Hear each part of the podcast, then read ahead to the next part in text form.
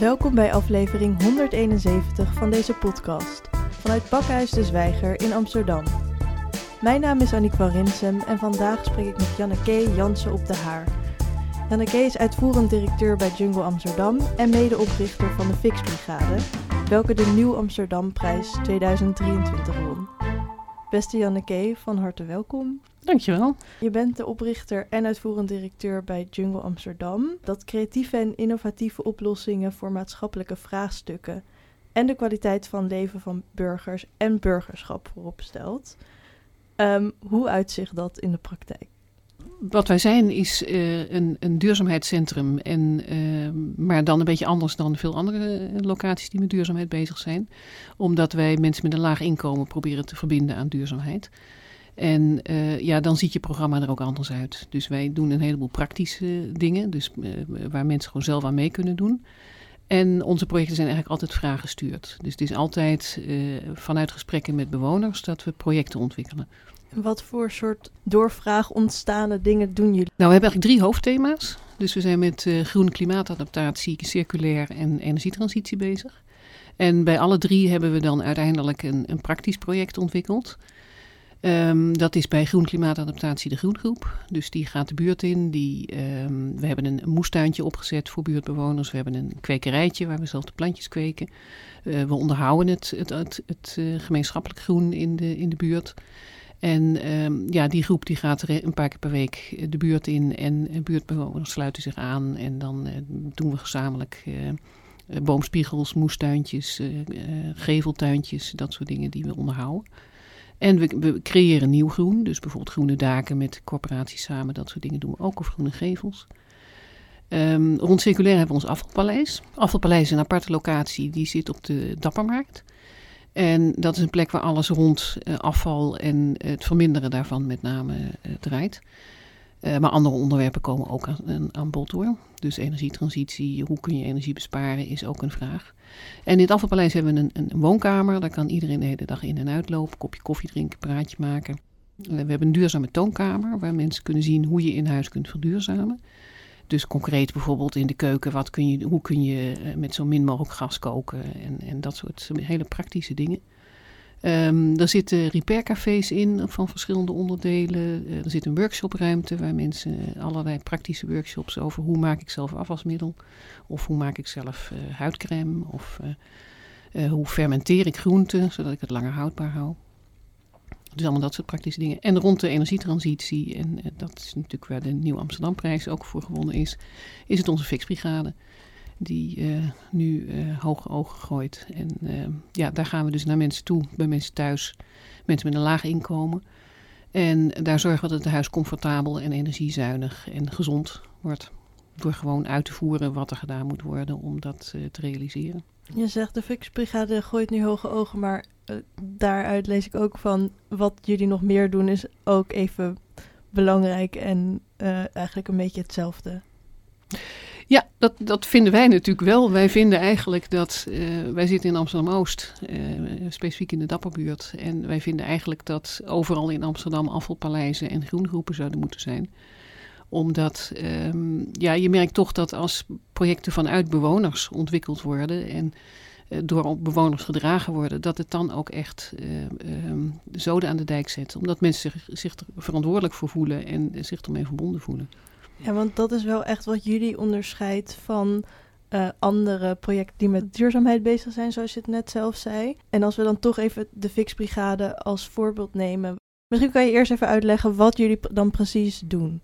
Ja, um, nou, Fixbrigade is, heeft eigenlijk twee poten waar die op, op uh, stoelt. De ene is inderdaad het comfortabel en energiezuinig maken van woningen van mensen met een laag inkomen. En een laag inkomen gaan wij uit van minder dan 140% van het minimumloon. En de andere poot is een leertraject. Dus we leiden ook mensen op voor uh, banen in de techniek. En het liefst natuurlijk voor uitbreiding van de Fixbrigade. En dat zijn mensen met een afstand tot de arbeidsmarkt. In ons geval zijn dat heel veel statushouders. Nou, dat is een hele fijne groep om mee te werken, omdat er heel veel talent zit. Er zit heel veel motivatie. Um, de, mensen willen ontzettend graag en, en willen ook heel graag iets doen in deze samenleving. Maar krijgen daar nu eigenlijk weinig kansen toe. Um, en de Fixbrigade wat, wat we echt exact doen is dat uh, mensen melden zich bij ons aan. We werven ook mensen op allerlei bijeenkomsten. Uh, vaak kwetsbare bewoners, dus mensen die, die vaak uh, hulp niet weten te vinden zelf. Um, daar maken we dan een eerste afspraak mee. We gaan bij de mensen langs, dan gaan we een uur, anderhalf uur zoiets, lopen we met iemand het huis door. We inventariseren alle klachten, we kijken waar die klachten vandaan komen. De specifieke klachten over kou, tocht, vocht, schimmel, dat soort zaken. Uh, dat noteren we allemaal. Dan kijken we wat voor materialen er voor nodig zijn. We kijken zelf ook nog of er nog meer dingen zijn waarvan wij denken dat daar een verbetering uh, nodig is. Vervolgens komen we dan een hele dag terug met een team. Het zijn meestal tussen de twee tot vier, vijf mensen maximaal. Uh, met een bakfiets volgeladen met gereedschap, materialen. En dan gaan de jongens echt een dag lang aan het werk om alles te, te verhelpen. Um, maar er kan zijn dat er nog meer dingen nodig zijn. Bijvoorbeeld het waterzijdige inregelen van de cv-installatie. Zorgen dat de optimaal gebruik wordt gemaakt van het warme water. Waardoor je energie bespaart, maar ook een aanzienlijke comfortverhoging hebt. Dat doen we ook, dus ook nog weer een dag. Uh, mensen met enkelglas of met uh, oud dubbelglas, wat ook niet goed isoleert. Dan kunnen ook nog terugkomen om kozijnfolie te plaatsen. wat ook weer een enorme energiebesparing oplevert. En voor specifiek voor mensen met gezondheidsklachten, dus mensen die echt last van schimmel hebben, die longklachten aan, hebben gekregen door de kwaliteit van hun woning. Mensen met huidklachten, ook heel vaak door schimmel veroorzaakt.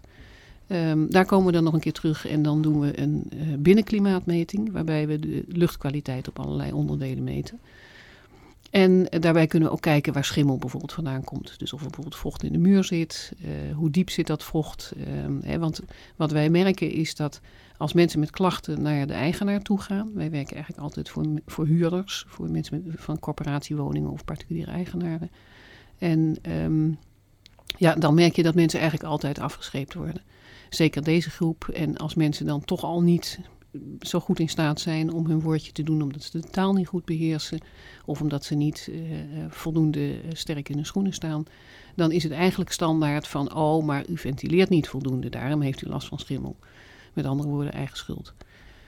En wij kunnen dan met die metingen aantonen dat er dus wel degelijk iets anders aan de hand is. Zoals? Zoals bijvoorbeeld dat ventilatiekanalen volledig verstopt zijn. Ja, dan kan je ventileren tot je een ons weegt, maar dan gebeurt er dus niks. Uh, maar bijvoorbeeld ook uh, als natuurlijk uh, de muur van een woning poreus is, dus dat het regenwater dat er tegenaan komt, opgezogen wordt en dus eigenlijk door de muur heen aan de binnenkant van het huis terechtkomt, ja, dan krijg je schimmelvorming omdat permanent die muur eigenlijk vochtig is. Nou, dat heeft ook met ventileren, schiet je niks op. En soms komt er dan een woningbouw langs en die, die smeren er weer een laagje op. Dat is allemaal tijdelijke oplossing, want wat je moet doen is die muur gewoon verbeteren. Ja, en heel veel mensen kunnen niet meer hun, hun huis opstoken of warm houden doordat het gewoon veel te duur is geworden. En dat veroorzaakt ook weer meer kans op schimmel, omdat het huis vochtiger blijft als het niet goed verwarmd kan worden. Ja. Dus wat ik ook als hoor, je hebt heel veel dingen die jullie doen, omdat er ook gewoon heel veel dingen gedaan moeten worden. Ja, wat wij eigenlijk merken is dat heel veel van wat wij doen is eigenlijk het wegwerken van achterstallig onderhoud omdat uh, woningen in, in Amsterdam, en zeker die huurwoningen, vaak ongelooflijk verwaarloosd zijn. Jarenlang is er niks aan gedaan. De huur wordt wel geïnd, maar als mensen met klachten komen, worden ze eigenlijk niet adequaat verholpen. En mensen krijgen dan te horen van ja, maar over vier, vijf jaar, tien jaar wordt er gerenoveerd en dan uh, gaan alle problemen worden opgelost. Maar ondertussen zitten die mensen natuurlijk wel dagelijks in zo'n huis. En um, ja, ik bedoel, schimmel is nu iets wat enorm aan het toenemen is in Amsterdam. Precies wat je zegt, omdat mensen durven de kachel niet meer aan te zetten. En dat komen we echt, dat is aan de orde van de dag. Mensen die de kachel echt niet meer aanzetten. Maar als je de kachel niet aanzet, stook je ook het vocht niet uit je huis. Dus ja, het, uh, waar, woningen waar je komt waar het water letterlijk van de muren afdruipt. En ja, da daardoor krijg je weer ernstige schimmelvorming. En uh, ja, nemen enorme gezondheidsklachten bij mensen ook toe. En hoe komt het dan dat jullie wel um, dat achterstallig onderhoud aanpakken en dat dat niet via de normale banen gebeurt? Nou ja, dat, dat is natuurlijk eigenlijk uh, een taak van de woningbouw.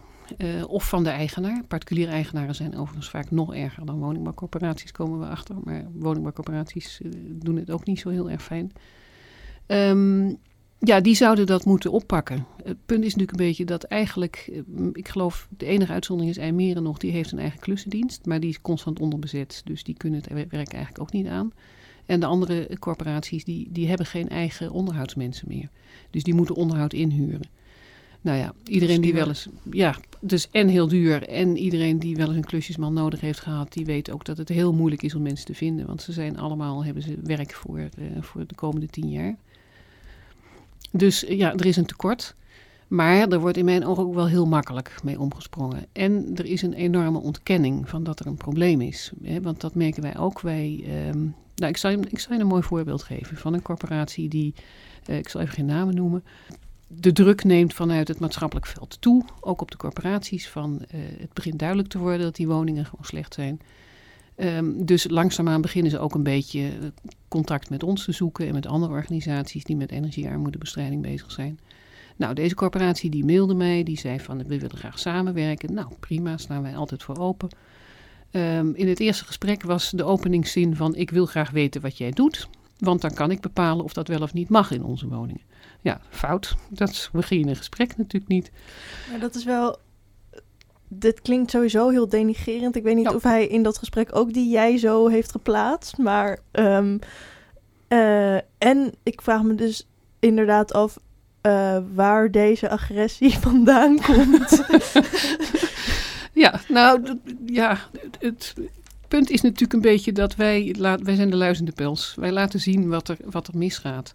En um, inmiddels heeft de Fixbrigade ook wel enig aanzien. Dus ik kan dat ook bij een wethouder neerleggen. En ik kan het ook bij een ministerie neerleggen. Dus het is nu niet meer geheim. En dat vinden corporaties heel vervelend. want deze corporatie in kwestie ook, oké, we hebben een nieuw gesprek. Uh, hij vroeg om een, een, een, herkansing. Nou, prima, dus we hebben opnieuw een gesprek gevoerd.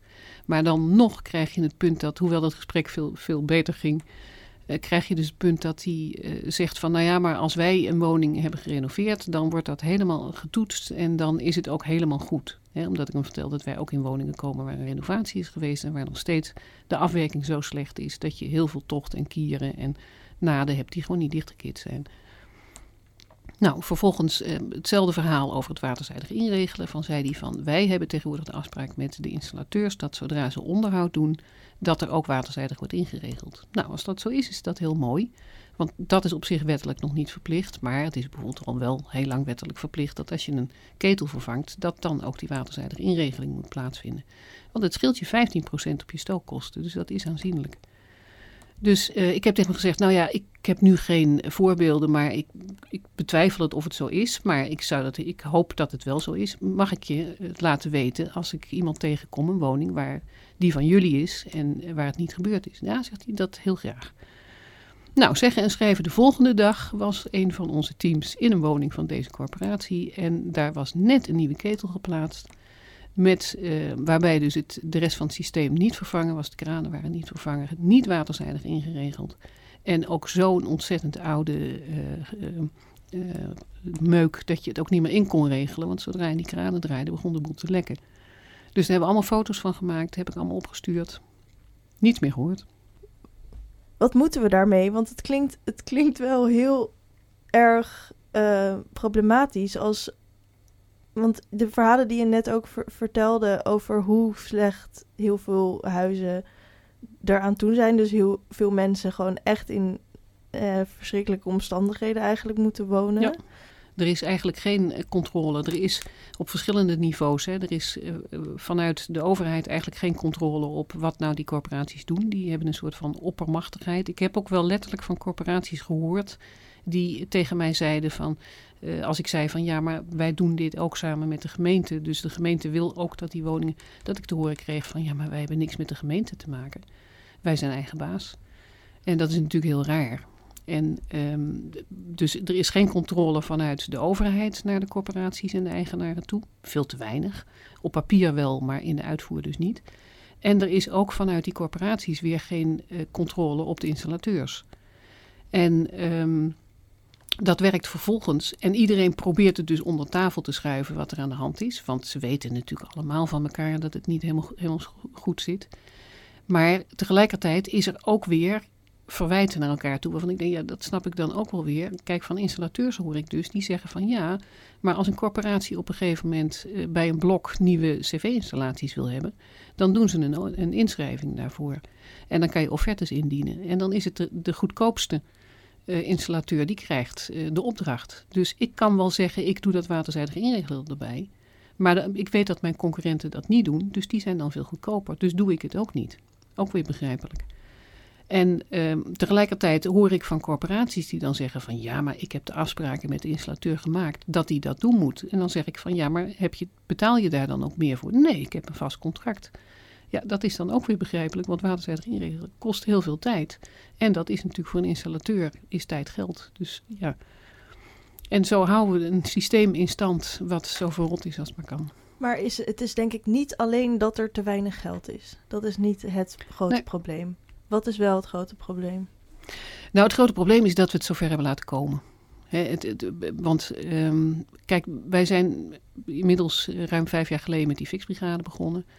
En dat was natuurlijk niet voor niks. Dat was omdat er heel veel klachten van bewoners kwamen over die woningen. Want dat was de, de reden dat we ermee gestart zijn. En ik heb toen eigenlijk direct al ook bij de gemeente aangeklopt en gezegd van nou, wij zijn hiermee bezig. Dit lijkt uh, een enorme, een enorme behoefte te voorzien. Uh, help ons om, om dit uit te breiden. Nou, daar was toen eigenlijk geen luisterend oor voor. Hè. We jarenlang hebben we moeten sappelen met uh, een beetje geld voor materiaal, een beetje geld voor een, voor een bakfiets uiteindelijk, een beetje geld voor gereedschap. Uh, onze hoofdfixer heeft het jarenlang als vrijwilliger gedaan, want voor salaris was er eigenlijk gewoon geen geld. Uh, leerlingen was ook moeilijk. Dat ja, tientje vrijwilligersvergoeding uh, en meer zat er gewoon ook niet in. En het is nu, sinds we ons realiseren dat er echt een probleem is, wat we dus al jaren van tevoren hebben zien aankomen. Nu ineens zeggen we van, nu gaan we, gaan we er heel veel geld voor uittrekken en nu gaan we dat in een recordtempo gaan we het oplossen. Dus wat is er nu gebeurd? Vanuit Den Haag is er heel veel geld naar de gemeentes toegegaan. Dat zijn die spukgelden hè, voor bestrijding van energiearmoede. En de gemeentes hebben gedacht, nu moeten we even van in Amsterdam, eh, wat is het, 100, 200.000 mensen die in, inmiddels in de problemen zitten. Dus we moeten echt met tienduizenden tegelijk moeten we mensen gaan helpen. Alleen, waar het om gaat, is dat die woningen zo verwaarloosd zijn. Dus het is niet een kwestie van een uurtje naar binnen. We, we hebben nu allerlei commerciële partijen ingehuurd, zoals Klimaatroute, Winst uit je woning. Uh, logisch dat die een offerte hebben ingediend, hè, aan zo'n openbare inschrijving hebben meegedaan. Want dit is een verdienmodel. Alleen wat zij doen, met alle goede bedoelingen, is een uurtje bij mensen binnen zijn. En dan plakken we een stripje en een stukje radiatorfolie. En liefst plakken we het stripje ook nog op de verkeerde plek, want we hebben er geen verstand van. En dan zeggen we, nou, nu is het probleem opgelost. Ja, dat is dus niet zo. Die mensen besparen misschien een tientje op een rekening, maar daar gaat het natuurlijk niet om. Waar het om gaat, is dat die woningen die zo lek zijn als een mandje en die volledig verwaarloosd zijn. En waar Al die andere problemen die daarbij Precies. komen kijken, zoals schimmel. Ja, en daarvoor moet je vaklui hebben. En dan ben je een dag, twee dagen ben je per woning bezig. En ja, als je dat door een commerciële partij laat doen, dan uh, kost je dat heel veel geld. En dat gaat ook niet zo snel. Want ja, we weten ook allemaal dat die arbeidsmarkt, uh, dat de mensen niet te vinden zijn. En dat is nou het mooie van zo'n fixbrigade. We leiden de mensen zelf op. En uh, in wezen heb ik nu een heleboel mensen staan waarvan ik zeg, nou die zouden een nieuw team kunnen gaan starten, want die zijn opgeleid en die snappen waar ze mee bezig zijn en die, die hebben de skills om het te doen. Alleen ja, dan moet er wel geld komen. Maar dat geld gaat nu dus naar die commerciële partijen die dat stripje liefst op de verkeerde manier plakken. Ja, oké. Okay. Maar je kan ook overdrijven. Ik snap, ik snap je sentiment. Ik snap je sentiment. Ja. Maar um, dan even waarom. Kijk, als je dus wat radiatorfolie, zeg ik het goed, mm -hmm. uh, plakt achter een radiator, mm -hmm. uh, dan snap ik dat dat, dat, dat veel minder uh, doet voor je energierekening en je leefkwaliteit dan als je, je het hele huis aanpakt en alle problemen mm -hmm. gaat verhelpen. Maar het klinkt ook inderdaad veel duurder als je het hele huis aanpakt en um, alle problemen gaat verhelpen. Dus hoe kan het dat jullie daar wel de tijd en geld voor hebben en mm -hmm. die commerciële partijen dus uurtje, factuurtje, radiatorfolietje doen? Ja. Nou, ja, dat heeft alles te maken met een andere manier van werken. Ik bedoel, je zegt het zelf al, commerciële partijen en de non-profit wat wij zijn. Ehm, bij ons gaat het natuurlijk niet, we hoeven er niet aan te verdienen. Uh, wij willen mensen helpen. Dat is uh, waar het hele project uit geboren is. En mensen helpen, bewoners en, en ook uh, leerlingen die op een gegeven moment een vak leren en, en een mooie baan daarna kunnen vinden. En um, ja, dat mag kostendekkend zijn. Daar hoeft verder helemaal niks over te blijven. Want we zijn een stichting. Dus niemand die daar beter van wordt als er geld overblijft. Dus wat er binnenkomt, gaat er ook uit.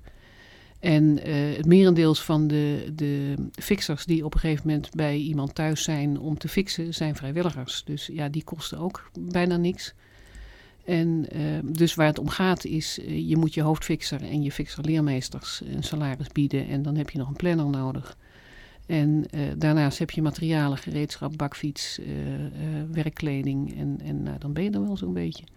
Dus die kosten zijn gewoon veel lager. Veel lager als wanneer je een commerciële partij bent die een kantoor vol heeft met, met mensen die aan telefoons zitten en belangrijk werk doen, maar ook heel veel kosten. Ja, dus jullie zijn veel meer bezig met het echt, de praktijk, dan met het nadenken over hoe je het zou moeten doen. Ja. Terwijl jullie wel heel veel dingen al hebben bedacht wat je nog meer moet doen eigenlijk. Ja. Nou, dat denk ik ook omdat natuurlijk, ja, we zijn vijf jaar geleden begonnen en dat was met, met uh, Francis uh, toen. En, en dat, Francis is elektricien, dus die kennis had hij. Maar, uh, en hij is gewoon een, een, een heel goed klusser, dus hij is breed, heeft brede kennis. Maar in die vijf jaar heeft hij ook heel veel bijgeleerd. En niet alleen over het leermeesterschap en, en hoe ga je met die, die, die leerlingen om. Uh, wat allerlei verschillende mensen zijn. Maar uh, vooral ook inhoudelijk. Hè. Hij heeft natuurlijk ook de hele infraroodtechniek heeft hij, uh, zich eigen gemaakt. Waterzijdig inregelen was in de tijd niemand te vinden die daar iets over wilde zeggen. Want dat was allemaal topgeheim. Wat is dat? Wat is dat? Nou, het waterzijdig inregelen is dat je de, het warme water van de cv-ketel gelijkmatig over de radiatoren verdeelt. He, het, zoals het uit de fabriek komt en geïnstalleerd wordt, staan de kranen van de radiatoren wagenwijd open. Waardoor, en de ketel wordt dan op 80, 90 graden gezet. Waardoor dat uh, hete water in een noodtempo door je systeem heen stroomt. En eigenlijk net zo warm weer terugkomt bij de ketel. En die ketel die blijft maar pompen en die blijft maar opwarmen. Um, terwijl als je die kranen gedeeltelijk dichtdraait. En dat moet volgens een bepaald systeem. Hè, de, de, radiator die het dichtst bij de ketel zit, die draai je het, um, het meest dicht. En elke radiator die verder zit, gaat een stukje verder open. Uh, dat moet een verschil van 15 graden uh, zijn wat water wat de radiator inkomt. Uh, 15 graden kouder gaat het er weer uit en dan gaat het weer terug naar de ketel. Waardoor het, het, water langzaam door je systeem heen stroomt. Je een optimaal gebruik van het warme water hebt. En die ketel dus ook veel minder hard hoeft te werken. Dan kan ook de temperatuur van de ketel naar 60 graden.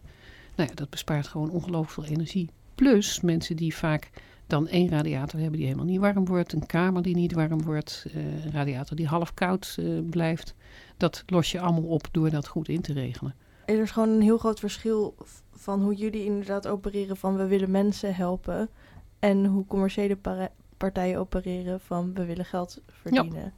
Dat kan ook deels omdat jullie met heel veel vrijwilligers werken. Ja, zeker. En een deel van die vrijwilligers uh, zijn mensen die gewoon tijd over hebben. En een deel van die vrijwilligers zijn statushouders. Ja, we hebben, nou, we hebben eigenlijk drie categorieën. Okay. We hebben um, ja, vaak de mensen die het meeste tijd investeren, zijn inderdaad die statushouders. Of de mensen die nog in de procedure naar een status toe zitten. Um, die zitten vaak wel in de inburgering, maar die hebben dan toch een paar dagen per week uh, beschikbaar om, uh, om mee te draaien. En dat zijn ook vaak mensen die zeggen van nou, dit vind ik leuk, hier wil ik mijn vak van maken. Um, dus daar hebben we ook een, voor een kleine groep ook de kans om mensen een, een, um, een baan op basis van minimumloon uh, als leerling te bieden. Tweede categorie zijn uh, stagiaires. We, hebben, uh, we zijn officiële leerplek voor het MBO. En um, dus we hebben van allerlei verschillende MBO-opleidingen hebben stagiaires lopen. En uh, de derde groep, dat zijn inderdaad de echte vrijwilligers. En dat zijn vaak mensen die of een studie of een baan of uh, iets uh, of aan het reïntegreren zijn of um, nou ja, iets anders daarnaast hebben. En dan zeg ik, ik heb één of twee dagen per week beschikbaar om mee te lopen. En, um, maar dus niet de mensen die ambitie hebben om dit als baan in de toekomst te gaan doen. En dus die statushouders krijgen ook vaak niet betaald. Die worden op vrijwillige basis. Ja, een deel zeker. En dat is, neem ik aan, iets waar, waar je het liefst wel hen zou willen betalen. Ja. Ten eerste, hoe zou dat kunnen? in de toekomst? En ten tweede, hoe verandert dat dan weer de mogelijkheden? Want dan worden jullie als, als Fixbrigade wel weer duurder. Nou, ik denk dat het, het systeem van een leermeester met leerlingen op zich prima is. En uh, ja, stagiaires is natuurlijk sowieso, uh, tenzij het BBL-stages zijn, maar de meeste stages, daar hoeft niet echt een vergoeding tegenover te staan. Vrijwilligersvergoeding is uh, vaak al meer dan mensen verwachten. Um, en um, het, het, systeem van de leermeester met de leerlingen en de leerlingen die dat dan op vrijwillige basis doen, is denk ik heel goed.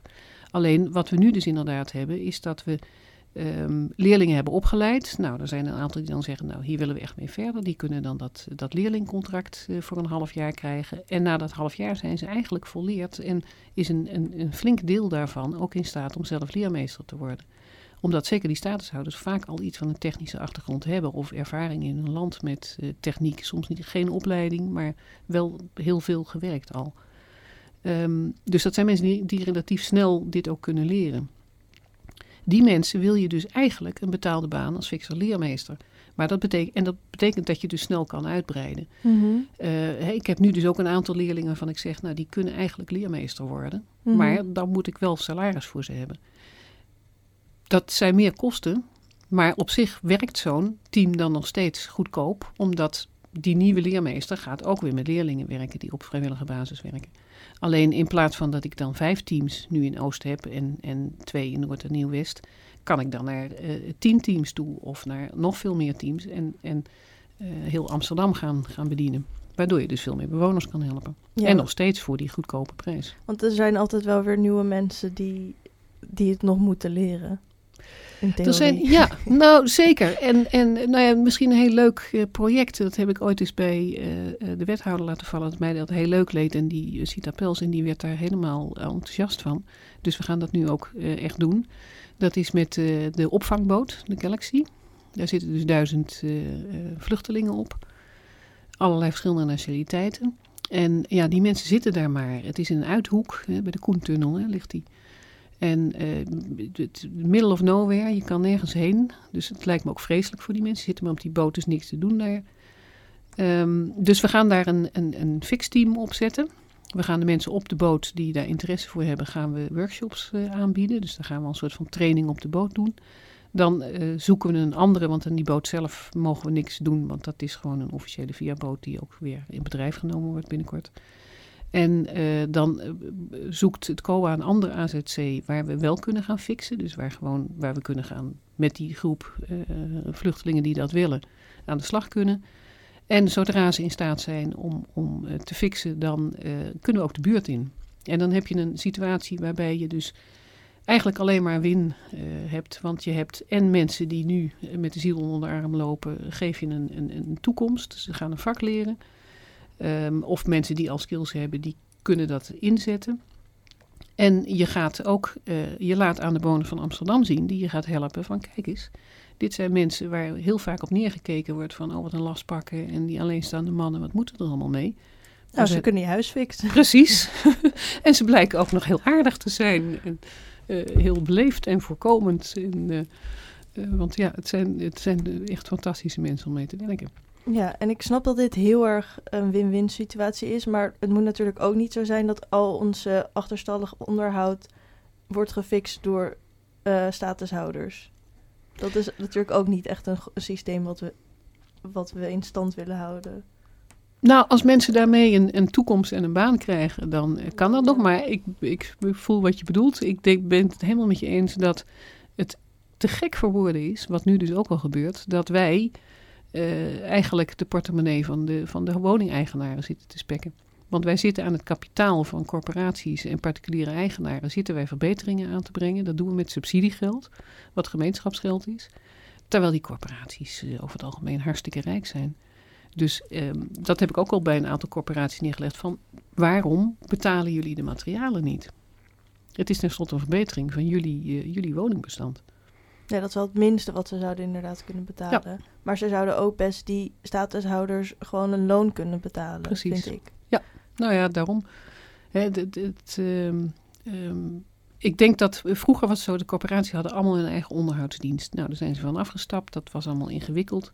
Maar als je zoiets weer op zou kunnen zetten, dan kan je ook veel sneller schakelen naar bewoners toe die, die op een gegeven moment een klacht hebben. En als dat goed opgeleide mensen zijn. Ja, uiteindelijk, eh, wij willen natuurlijk graag dat de fixbrigade enorm groeit en dat in overal in Amsterdam fixbrigades komen. Maar er komt natuurlijk een punt dat je moet zeggen van ja, wij hebben niet meer fixerleermeesters nodig of daar is geen budget voor. Dus die mensen moeten die arbeidsmarkt op. En ze staan overal te, te, te, springen om deze mensen. Maar het zou natuurlijk het mooiste zijn als ze inderdaad door die corporaties in dienst genomen worden. Kan je nog een keer uitleggen hoe wat jullie als Wixbrigade doen verschilt van andere initiatieven die worden ingezet om energiearmoede tegen te gaan in de stad? Ja, er zijn inderdaad nu, nu heel wat initiatieven die energiearmoede moeten bestrijden. Ehm, dat zijn eigenlijk allemaal. Nou, je hebt verschillende gradaties erin. Je hebt natuurlijk de energiecoaches, hartstikke goed werk, dat doet Woon. Uh, die gaan naar mensen toe en die zitten vooral op gedrag.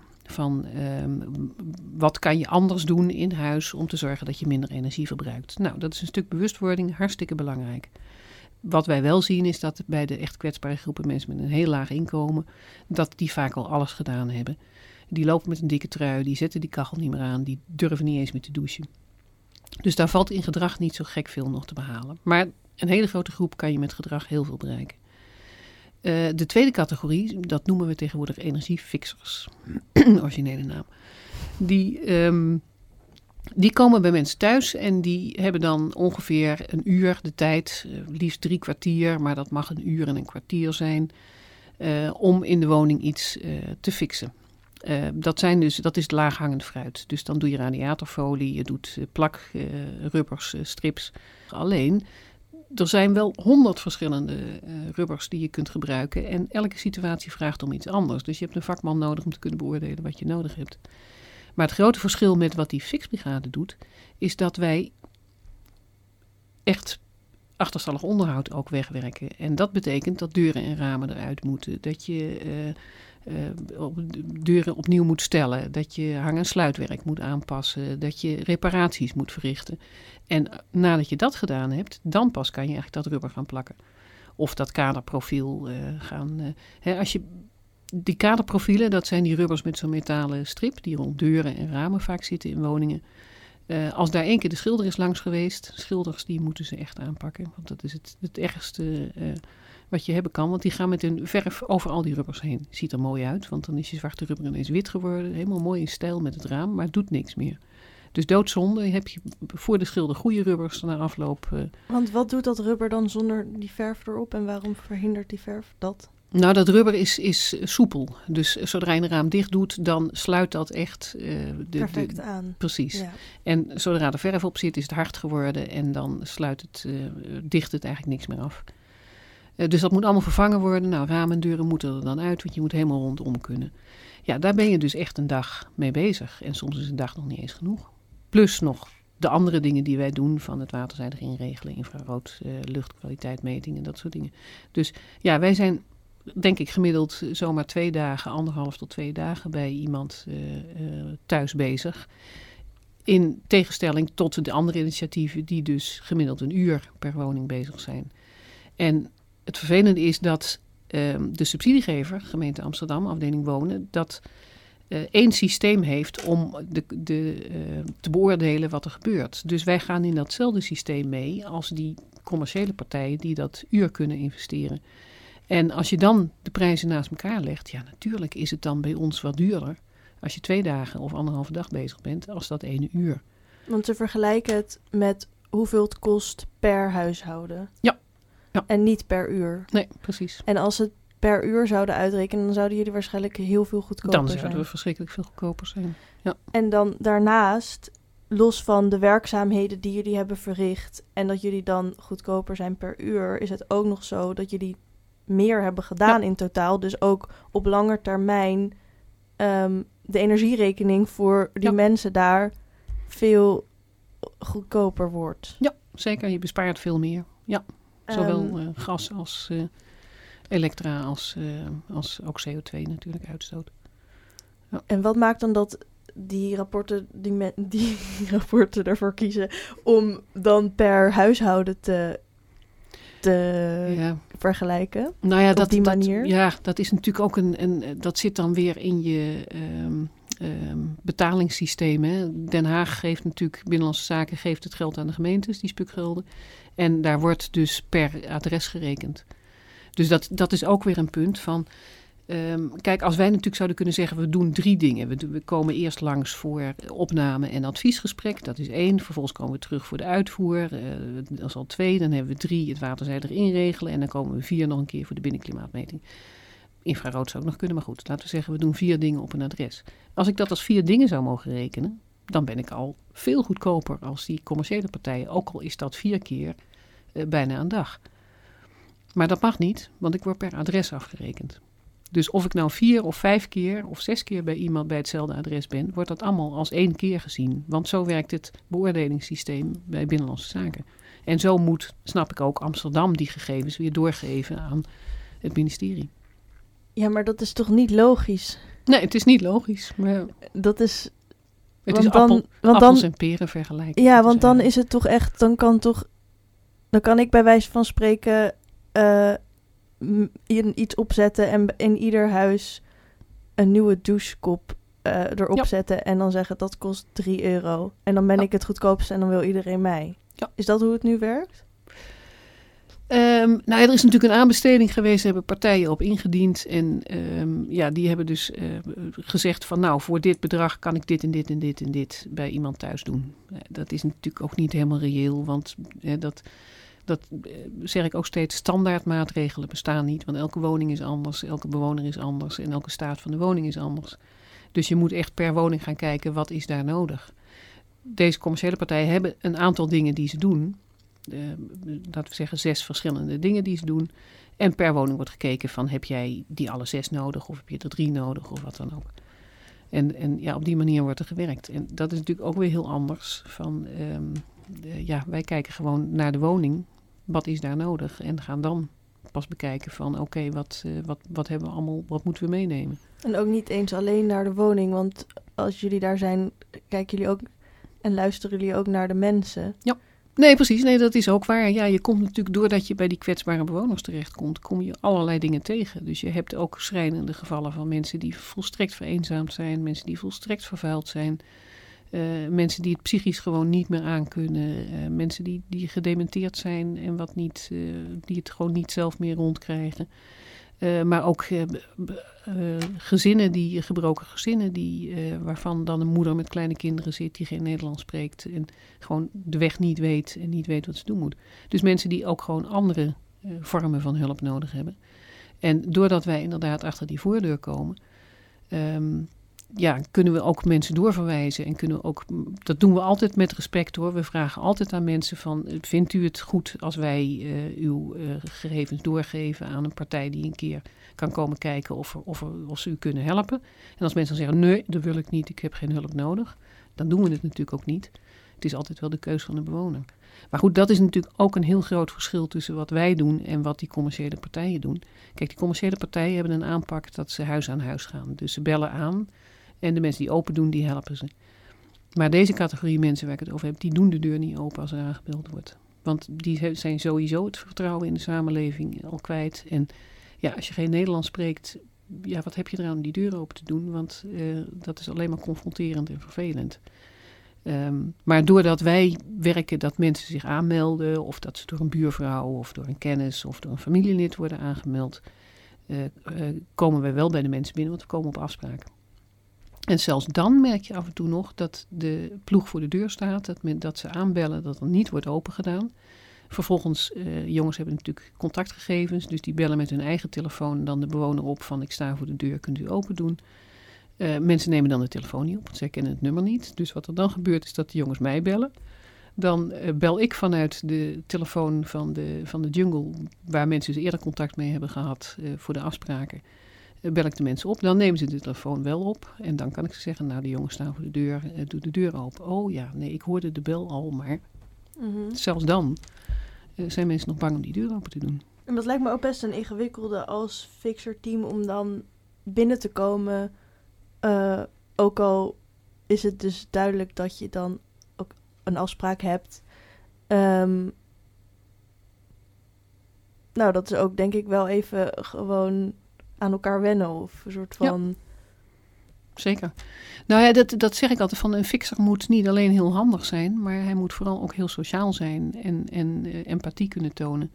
Want bij elk huis waar je binnenkomt moet je weer wat anders doen. Bij de een eh, merk je direct en moet je vragen, zal ik mijn schoenen uitdoen? Uh, bij de ander moet je dus die schoenen juist niet aandoen omdat je overal aan vastplakt. Maar ook daar moet je respect voor hebben. En uh, ja, we gaan natuurlijk niet zomaar ergens op een stoel zitten of leg je gereedschap niet zomaar ergens neer, maar vraag altijd netjes, hè, ook als je iets nodig hebt. En, dus ja, het, er wordt nogal wat gevraagd van een fixer. Dat klopt. Ja, dus naast die activiteiten die je net al noemde, die je dan in zo'n huis doet, die je niet apart mag invullen op zo'n beoordeling, is het ook nog contact leggen met mensen die eigenlijk buiten de andere initiatieven gewoon vallen. Ja. Eigenlijk. ja, dat is waar. Maar ja, dat is natuurlijk het mooie. We hebben een, een heel divers team. Uh, we hebben ook vrouwelijke fixers en we hebben heel veel verschillende nationaliteiten rondlopen. Dus eh, qua taal zitten we ook vaak dat er wel iemand bij zit die toch met bewoners kan communiceren, ook als ze geen Nederlands uh, spreken. En um, ja, het zijn mensen die zelf natuurlijk uit allerlei verschillende culturen komen, dus ook heel veel dingen snappen en uh, zich dus ook aan kunnen passen en ook collega's erop kunnen wijzen van ja, maar dit, uh, dit moeten we zo of dit moeten we zus doen.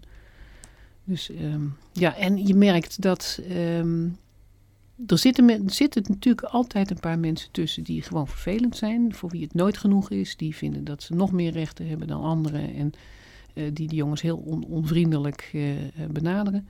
Maar dat is echt een uitzondering. Het merendeel van de mensen waar we komen zijn ongelooflijk dankbaar en hebben zoiets van, nou, ik ben al zo lang bezig om deze problemen opgelost te krijgen en er is nog nooit iemand die naar me geluisterd heeft. En dus wat je vooral tegenkomt is mensen die uh, uh, ja, gewoon heel blij zijn dat er eindelijk een keertje iemand is die naar ze luistert. En die hun klachten serieus neemt. En, en niet alsmaar afscheept van, uh, joh, het is je eigen schuld en los het zelf maar op.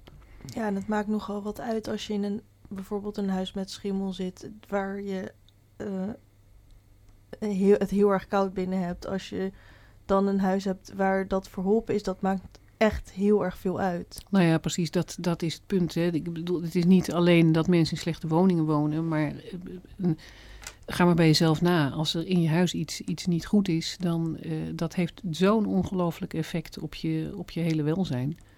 En niet alleen je, je lichamelijke gezondheid, maar ook je psychische gezondheid. En ja, dat merk je gewoon mensen die zo lang al in zo'n ellende zitten. En het is ook een meervoudige ellende. Hè? Want als jij arm bent, kijk, je, je kan wel eens een jaar het wat minder hebben. Maar als jij structureel arm bent, dan is er eigenlijk geen, geen uitzicht meer. Dan leef je van dag tot dag.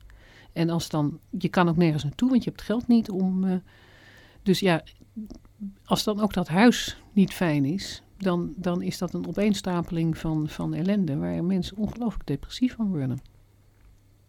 Er wordt echt heel veel gepraat over participatieprojecten en over um, de diversiteit van bedrijven en hoeveel waarde dat oplevert. En, en ik heb het idee dat, dat, dat bij jullie gewoon,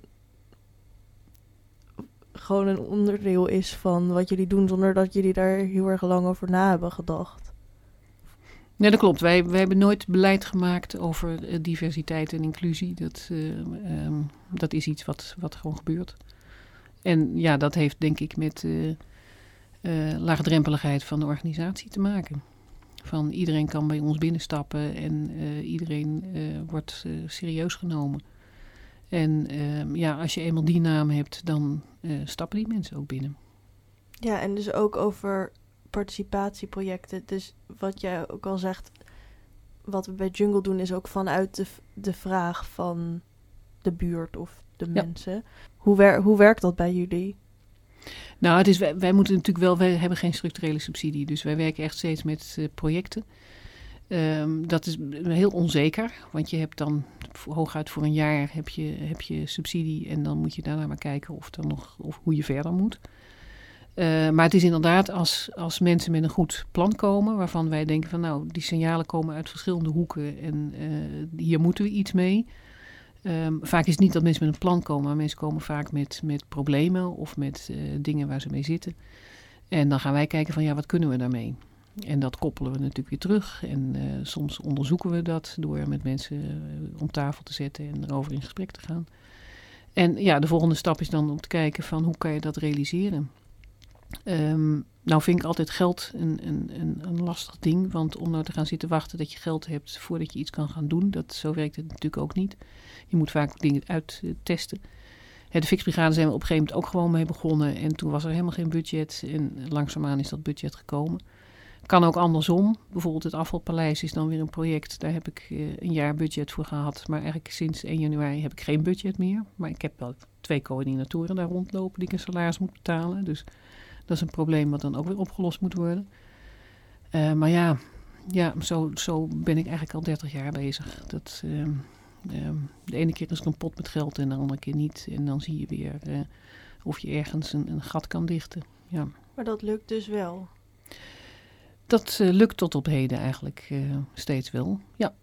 Nou ja, en ene keer dan, uh, de Fixbrigade heeft nu een, een, redelijk budget waardoor je mensen in dienst kan nemen en zijn toekomst kan bieden, althans voor zover als dat die subsidie natuurlijk loopt.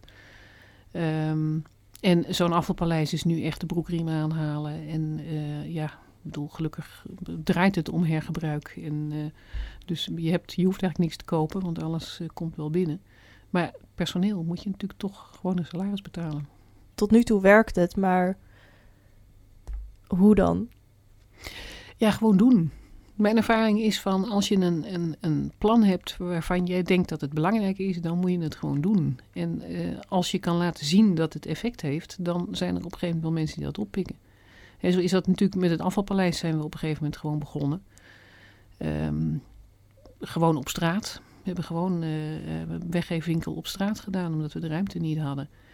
En als dan uh, de, de, de gemeente of het stadsdeel ziet dat dat in een behoefte voorziet, dat er elke dag gewoon heel veel mensen op afkomen en dat daar andere dingen uit voortkomen, ja, dan kan je op een gegeven moment op tafel gaan zitten en zeggen: Ja, ik heb dit, maar ja, hoe gaan we het bekostigen? En dan komen er ook wel weer potjes los.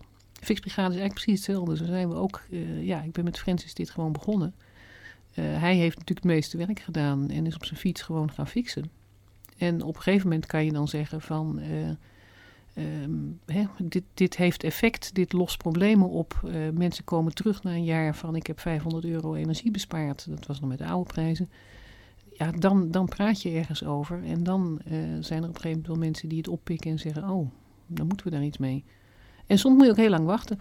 Fixbrigade is echt, uh, nou ja, vier jaar lang sappelen geweest. En toen had ik echt mijn hoop bij de gemeente Amsterdam verloren. Toen ik, dit wordt niks, dit, dit schiet niet op. Maar die tsunami zag ik wel aankomen van die energieprijzenstijgingen en de problemen die dat gaat opleveren.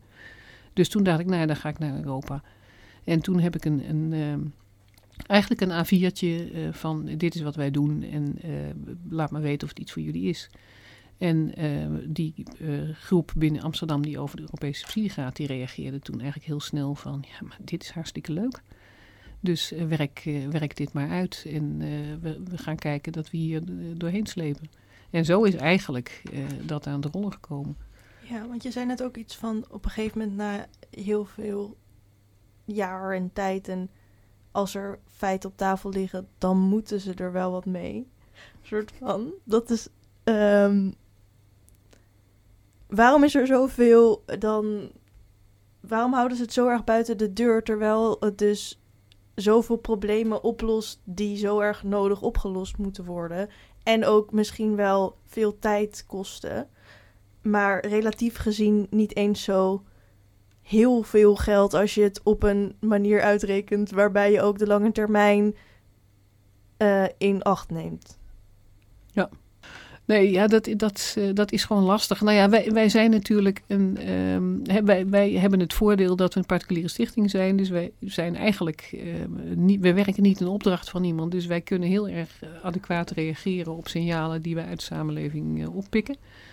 en daar gewoon zelf plannen bij bedenken. We hebben heel veel slimme mensen die ons helpen en die meedenken. En Um, ja, ik bedoel, TNO is nu ook met een onderzoek bezig om te kijken van wat, wat nou eigenlijk het, het allemaal oplevert, zo'n fixbrigade.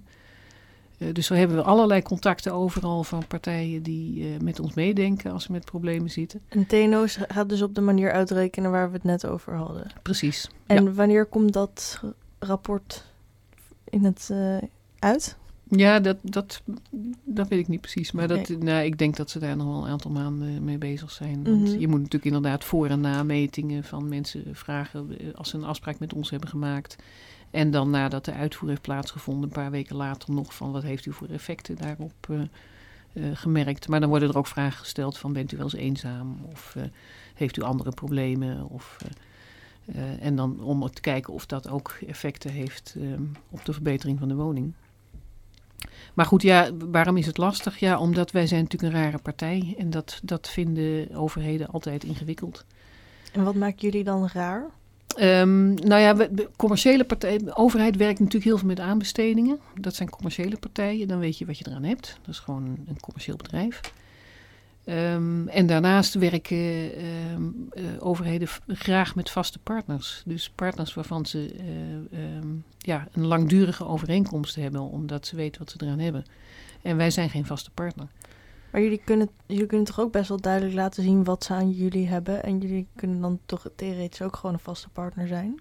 Of niet? Ik zou graag een vaste partner worden. Ja, want dat, dat maakt, geeft natuurlijk ons ook een stuk zekerheid. Hè, het is nu ook met dat, dat groeien van zo'n fixbrigade. Ja, ik ben nu heel veel mensen een contract aan het aanbieden. Maar het is allemaal natuurlijk heel erg vaag. Want ik heb subsidie tot eind van dit jaar. En uh, dus ik kan alleen maar contracten tot eind van het jaar bieden. Ja, en stel dat er dus geen vervolgsubsidie komt, wat dan? Moet ik dan het hele kaartenhuis in laten storten en iedereen uh, een schop onder zijn kont geven en die hele fixbrigade opheffen? Dat wil je natuurlijk niet. Het zou heel veel weggegooid alles Precies. zijn. Ja. Um, maar stel jullie zouden een vaste partner worden, brengt dat ook ergens jullie organisatiestructuur in gevaar? Of? Um, nou ja, het is natuurlijk, maar dat heb je nu ook al. Hè? Want we hebben nu natuurlijk ook een deel uh, cofinanciering vanuit de gemeente Amsterdam. En we hebben subsidie, subsidie dus uh, vanuit een Europees uh, fonds. En daar zitten natuurlijk voorwaarden aan. Dus wat je, en we hebben altijd met, ik heb altijd met subsidieaanvragen gewerkt. Dus je hebt altijd natuurlijk al, als je subsidie aanvraagt, dat je moet gaan kijken van die subsidieverlener, wat wil die eigenlijk? Wat zijn die doelstellingen? En sluit dat aan bij wat wij doen? Nou, is er natuurlijk heel veel overlap met wat wij doen en wat een overheid wil. Dus die, die overlap, die, die is er wel. Alleen, ik wil natuurlijk niet uh, zo, uh, op een gegeven moment uh, een partner worden die zijn mond niet meer mag open doen. En dat merk ik ook wel af en toe een beetje om me heen, dat partijen heel erg bang zijn om kritisch te zijn. Ja, dat, dat ehm, Jungle beweert een onafhankelijk eh, duurzaamheidscentrum te zijn. En dat willen we graag blijven. Dus ja, wij blijven kritisch ik vind dat ik, dat ik op een gegeven moment moet kunnen zeggen wat er mis is uh, in, in uh, het systeem. Omdat wij dingen signaleren die anderen misschien niet kunnen zien. En ik merk dan tegelijkertijd ook wel weer, ook bij een, een, ministerie van Binnenlandse Zaken, als ik op een gegeven moment dingen aankaart van nou dit en dit en dit zie ik, dat ik dan toch wel een antwoord krijg van nou ik ben eigenlijk heel blij dat je dat zegt. Want ik had zo'n vermoeden, maar ja, wij zitten niet in de praktijk, dus wij zien dit niet.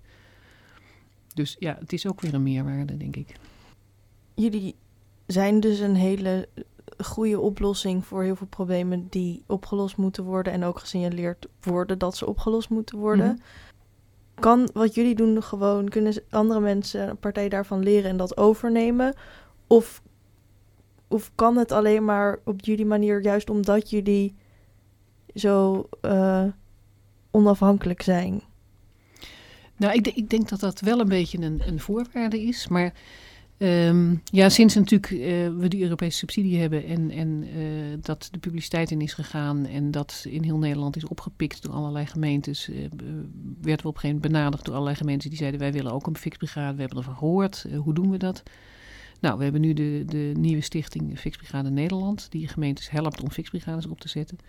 En, um, maar dan wel naar ons voorbeeld omdat dit uitgedacht is en we weten hoe het werkt. Dus we kunnen sowieso alle kennis die wij hebben opgedaan en alle uh, documenten die we gemaakt hebben van uh, hoe je dingen aanpakt en wat je nodig hebt en waar je het vandaan haalt en uh, werkwijze en noem maar op, kunnen we met iedereen delen die een fixbrigade wil opzetten. Maar ik zeg altijd van, als je een fixbrigade opzet, dan zijn er twee voorwaarden. De eerste voorwaarde is, je moet een, een, een soort van bewonersorganisatie vinden, dus een organisatie die met zijn voeten in de aarde staat en die de bewoners binnen weet, die het vertrouwen van de bewoners geniet, zodat je die doelgroep kunt bereiken. Want die doelgroep wordt niet door officiële instanties of overheden uh, bereikt. Dus dat is punt 1, die organisatie moet je hebben. Punt 2 is, je moet een goede fixer-leermeester hebben. Een soort van hoofdfixerachtig uh, persoon. En die moet aan een heleboel voorwaarden, wat we net al gezegd hebben, uh, voldoen. En als je die twee uh, ingrediënten hebt, dan kan je eigenlijk een fixbrigade gaan bouwen. Want dan, dan is het gewoon eigenlijk kopiëren van wat wij al gedaan hebben. Maar goed, die twee moeten goed zijn. Dus je moet inderdaad, je kan niet zeggen van gemeente, oh ik heb nog een, een kantoortje ergens over en daar starten we een fixbrigade. Nee, want zo werkt het niet. Je moet die onafhankelijke organisatie hebben die die buurtbewoners kent, die het vertrouwen van die buurtbewoners uh, heeft. Maar die heb je overal. Er zijn door heel Nederland zijn Wat voor soort uh, organisaties zijn dat? Nou, het kan in. Uh, uh, ik kan me ook voorstellen dat er gemeentes zijn waar bijvoorbeeld een, een, welzijnsinstelling is die heel veel vertrouwen geniet onder bewoners. Uh, vaak kleinere gemeentes zie je dat wel. Um, dus dat zou het kunnen zijn. Maar er zijn natuurlijk heel veel bewonersinitiatieven. Bewoners die gewoon zelf iets zijn begonnen omdat ze inderdaad zoiets hadden van, nou, er zijn behoeftes in de buurt en daar wordt niet aan voldaan door officiële overheidsinstellingen. Dus we beginnen gewoon zelf wat. En dat komt uh, heel vaak vanuit een groen uh, interesse voort. Of, en dan ontstaat er, zie je, een soort van community van bewoners, bewogen bewoners, die graag samen willen werken om zo'n buurt of zo'n gemeente te verbeteren. En ja, daar moet je bij aanhaken.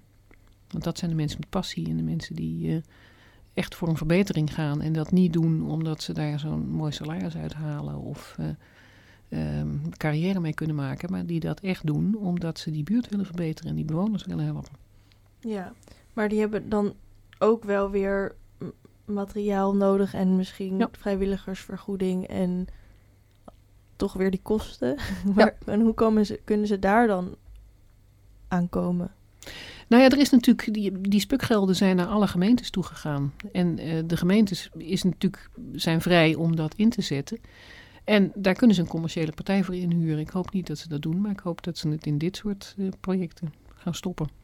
En ja, de hele begeleiding van het opzetten, dat kan die Fixbrigade Nederland doen. Ja, want die organisatie is er nu, die heeft mensen in dienst die naar gemeentes toegestuurd worden en uh, daar gewoon actief gaan meehelpen. En die, al die kennis die wij hebben, daar kunnen inzetten. En zodra ze die fixer leermeester gevonden hebben, dan kunnen ze die naar ons sturen. En dan is ons team uh, die uh, die mensen opleidt. Dat doen we ook. We hebben net iemand uit Almelo opgeleid en nou ja, verschillende gemeentes. Tot slot, heb je nog een boodschap voor onze luisteraars? Nou ja, goed. Iedereen die, die wil helpen, zou ik zeggen, sluit je aan. Um, uh, of iedereen die mensen kent uh, die hulp nodig hebben, uh, stuur ze ook naar ons door. Want dat blijft natuurlijk, het is wel zo dat in het begin ben ik heel erg actief naar allerlei bijeenkomsten gegaan om mensen te werven. Um, inmiddels is dat niet zo heel hard meer nodig, omdat mensen zich via via ook aanmelden. Maar het blijft natuurlijk een punt van die kwetsbare bewoners moet je echt, um, ja, daar, daar moet iemand zich voor inzetten om te zeggen van ik heb een buurvrouw of ik heb een buurman die hulp nodig heeft en kan je daar niet eens gaan kijken. En um, ja, dat kunnen wij op dit moment alleen nog voor Amsterdam Oost, Noord en Nieuw-West doen. Dat willen we heel graag in de andere stadsdelen doen. Dus uh, iedereen die denkt van, oh, maar ik ken wel mensen en ik, uh, ik heb die fixbrigade nodig. Ik zou zeggen, uh, bel je stadsdeel op. En, ze, en, als je niet in de stadsdelen waar we actief zijn woont, bel je stadsdeel op en zeg van, waarom hebben wij geen fixbrigade? Heel erg bedankt voor je komst. Dankjewel. Beste luisteraars, dit was aflevering 171 van de podcastserie van Pakhuis de Zwijger. Vind je het leuk wat wij doen? Overweeg dan vriend te worden via dezwijger.nl slash woord-vriend. Of abonneer je op deze podcast via Spotify, Soundcloud, Apple Podcast of een ander podcastplatform. Bedankt voor het luisteren en tot de volgende keer.